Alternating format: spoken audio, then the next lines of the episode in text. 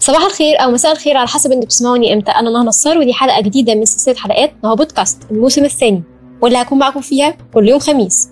وحلقة النهارده عبارة عن سر أو لغز من أسرار الفراعنة وألغاز الحضارة المصرية القديمة المثيرة لحيره العلماء.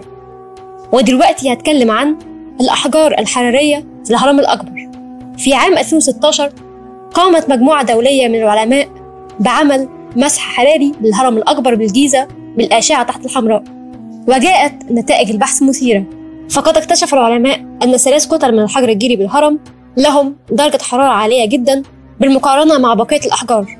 تأتي عملية المسح الحراري للهرم الأكبر وهو أحد عجائب الدنيا السبعة القديمة وأضخم بناء شيده الإنسان ضمن الخطة التي أعلنت عنها الحكومة المصرية بأن عام 2016 سيكون عام الأهرامات. لاستكشاف المزيد من أسرارها وما إذا كان بداخلها فراغات أو غرف سرية. لذا اعتقد العلماء أن هناك غرف أخرى في الهرم لم يتم استكشافها بعد.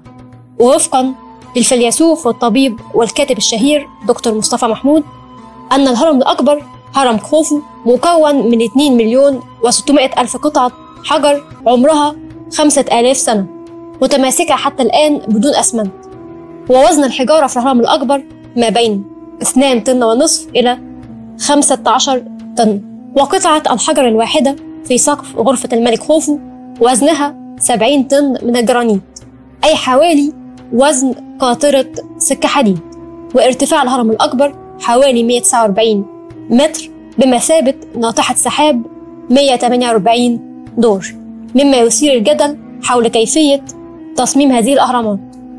وهو ما يكشف أن العلماء في عصر الحضارة المصرية القديمة أو عصر الفراعنة كان لديهم وسيلة سرية وعلمية خاصة لإلغاء الجاذبية الأرضية في منطقة معينة ما يعني أن أي وزن يصبح مثل الريشة وفقا للدكتور مصطفى محمود.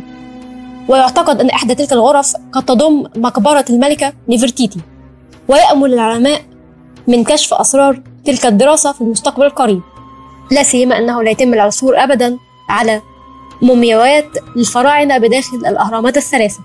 على الرغم من معرفة أن الأهرامات بنيت كمقابر لملوك الفراعنة أم كانت لأمر آخر ما زلنا نجهله.